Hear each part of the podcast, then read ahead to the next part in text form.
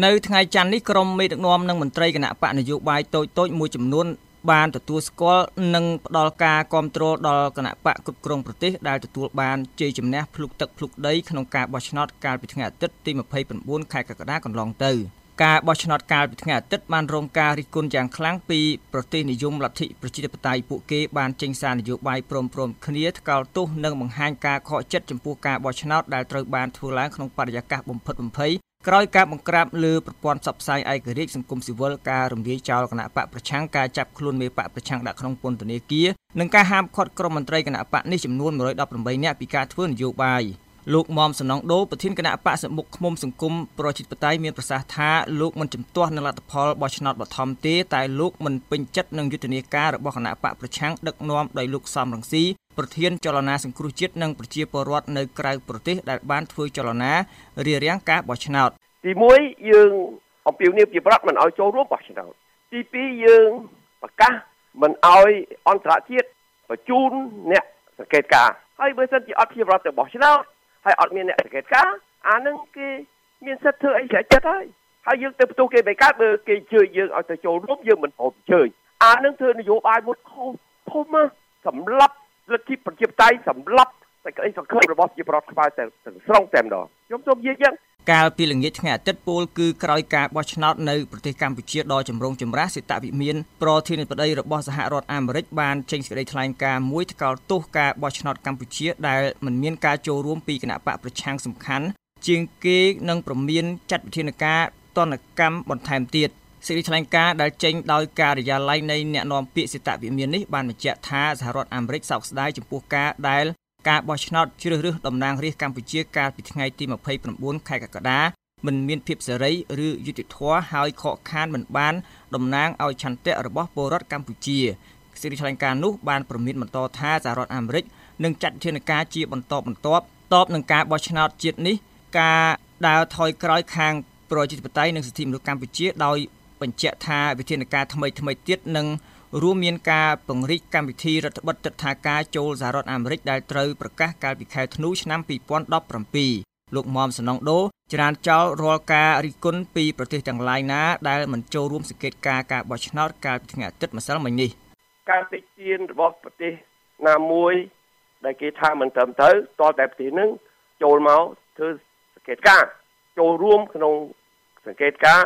តាក់ទងទៅការបោះឆ្នោតហើយប្រទេសណាដែលមិនចូលរួមប្រទេសទាំងអស់នឹងគ្មានសិទ្ធិតិចទៀនគេទេហើយកុំឲ្យតិចទៀនហើយយើងមិនចូលរួមហើយយើងចេះតែតិចទៀនគេគឺអ្នកដែលតិចទៀនហ្នឹងឯងដែលជាមនុស្សខូចលោកសាមអ៊ិនអគ្គលេខាធិការនិងជាអ្នកនាំពាក្យគណៈបកប្រជាធិបតេយ្យមូលដ្ឋានបានស្វាគមន៍ចំពោះការសម្រេចចិត្តរបស់ពលរដ្ឋខ្មែរក្នុងការបោះឆ្នោតកន្លងទៅថ្មីៗនេះដែលបានរងការគំរាមកំហែងនិងការវាយប្រហារគ្នាទៅវិញទៅមកដើម្បីកេងចំណេញនយោបាយលោកប្រាំ VOA នៅថ្ងៃច័ន្ទនេះថា វាមានហេតុផលធំពីរតាមការខ្ញុំមើលឃើញណាគឺទី1គឺនយោបាយសម្លុតគម្រាមឲ្យទិញស្លឹកឆ្នោតហ្នឹងវាមាននៅនៅមានអតិពលខ្លាំងមហិមានៅស្រុកខ្មែរហើយចំណុចទី2ហ្នឹងគឺយុទ្ធនាការដីផ្ទះឈ្នះស្អាតយុទ្ធនាការលាបពណ៌ហើយនឹងបន្ទុកអអ្នកដតីហ្នឹងក៏វាបានទទួលជោគជ័យដែរអញ្ចឹងហេតុផលពីរហ្នឹងហើយវារុញឲ្យចេញទៅជាលទ្ធផលបែបហ្នឹង លោកសាមអ៊ិនមិនធ្វើការអធិប្បាយលើការរិះគន់ឬដាក់សម្ពាធពីសហគមន៍អន្តរជាតិចំពោះការបោះឆ្នោតនេះទេតែលោកថាកម្ពុជានឹងមិនអាចកែតម្រង់អភិបាលកិច្ចល្អបាននោះឡើយដោយសារតែมันមានបកប្រឆាំងខ្លាំងមួយនៅក្នុងសភាបាទមិនថានៅក្នុងរដ្ឋសភាជាតិនឹងវាពុំមានកម្លាំងប្រឆាំងគ្រប់គ្រាន់ដើម្បីរុញឲ្យរដ្ឋាភិបាលមានការទទួលខុសត្រូវមានការកែតម្រង់ណាដូចជារឿងអំពើពុករលួយរឿងគ្រួសារនិយមរឿងបពពួកនិយមនេះនឹងមិនមានភាពប្រសើរឡើងទេវាមានតែភាពអាក្រក់ជាងមុនបាទ លោកពេជ្រស្រស់ប្រធានគណៈបកយុវជនកម្ពុជាមិនបានកត់សម្គាល់ពីភាពមិនប្រក្រតីណាមួយនោះឡើយប្រធានគណៈបកនយោបាយរូបនេះបានសរសេរក្នុងសេចក្តីថ្លែងការណ៍មួយថាគណៈបកយុវជនកម្ពុជាបានកត់សម្គាល់ឃើញថាគឺមានភាពល្អប្រសើរ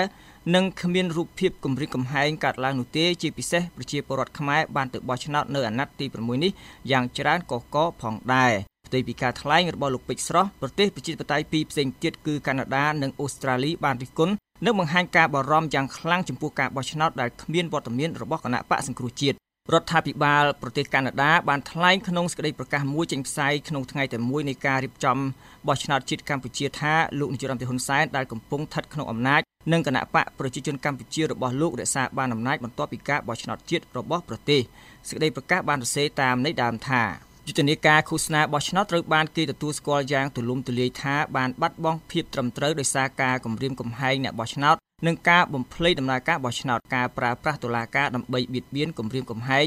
និងលុបបំបាត់គណៈបកប្រឆាំងក្នុងនោះមានមេដឹកនាំគណៈបកសង្គ្រោះជាតិលោកកម្មសិក្ខាដែលឥឡូវត្រូវគេដាក់ឲ្យនៅក្នុងពន្ធនាគារហើយនឹងការគៀបសង្កត់សង្គមស៊ីវិលនិងប្រព័ន្ធផ្សព្វផ្សាយ មិនបានបង្ហាញថាការបោះឆ្នោតនោះសេរីត្រឹមត្រូវនិងយុត្តិធម៌ទេរ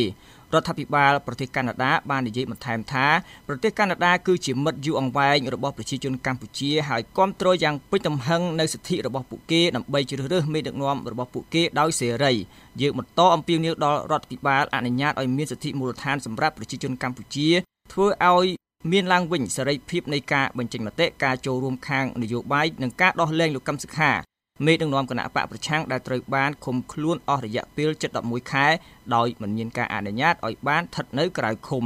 រដ្ឋាភិបាលកាណាដាបានបញ្ជាក់ទៀតថាប្រជាធិបតេយ្យដែលមានភាពរឹងប៉ឹងគឺត្រូវឲ្យមានការការពីលំហសម្រាប់សង្គមស៊ីវិលនិងធានាបានថាពលរដ្ឋទាំងអស់អាចចូលរួមដោយសន្តិវិធីក្នុងដំណើរការបោះឆ្នោតចំណែករដ្ឋមន្ត្រីការបរទេសប្រទេសអូស្ត្រាលីអ្នកស្រី Julie Bishop បានថ្លែងក្នុងសេចក្តីប្រកាសមួយចេញនៅថ្ងៃទី30ខែកក្កដាឆ្នាំ2018នេះ ដោយបានពណ៌នាថាប្រទេសអូស្ត្រាលីមានការព្រួយបារម្ភយ៉ាងខ្លាំងបំផុតជាមួយការបោះឆ្នោតឆ្នាំ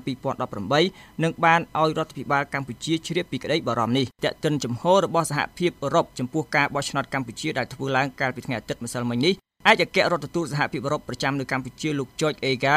មិនទាន់អាចផ្ដល់ការអធិប្បាយណាមួយនោះឡើយដោយត្រូវរងចាំការចេញសេចក្តីថ្លែងការណ៍ផ្លូវការមួយពីសហភាពអឺរ៉ុបនេះបើតាមការបញ្ជាក់របស់លោកតាមសារអេឡិចត្រូនិកឬអ៊ីមែល លោកក៏មិនទាន់អាចបញ្ជាក់បានផងដែរចំពោះការពិចារណាលើគម្រោងពាណិជ្ជកម្មអ្វីអ្វីទាំងអស់វាលែងតែអាវុធដែលជាក្របខ័ណ្ឌអនុគ្រោះពន្ធដល់ទំនិញកាត់ដេររបស់ប្រទេសកម្ពុជារាយការណ៍ពីរាជធានីភ្នំពេញខ្ញុំហុលរស្មី VOA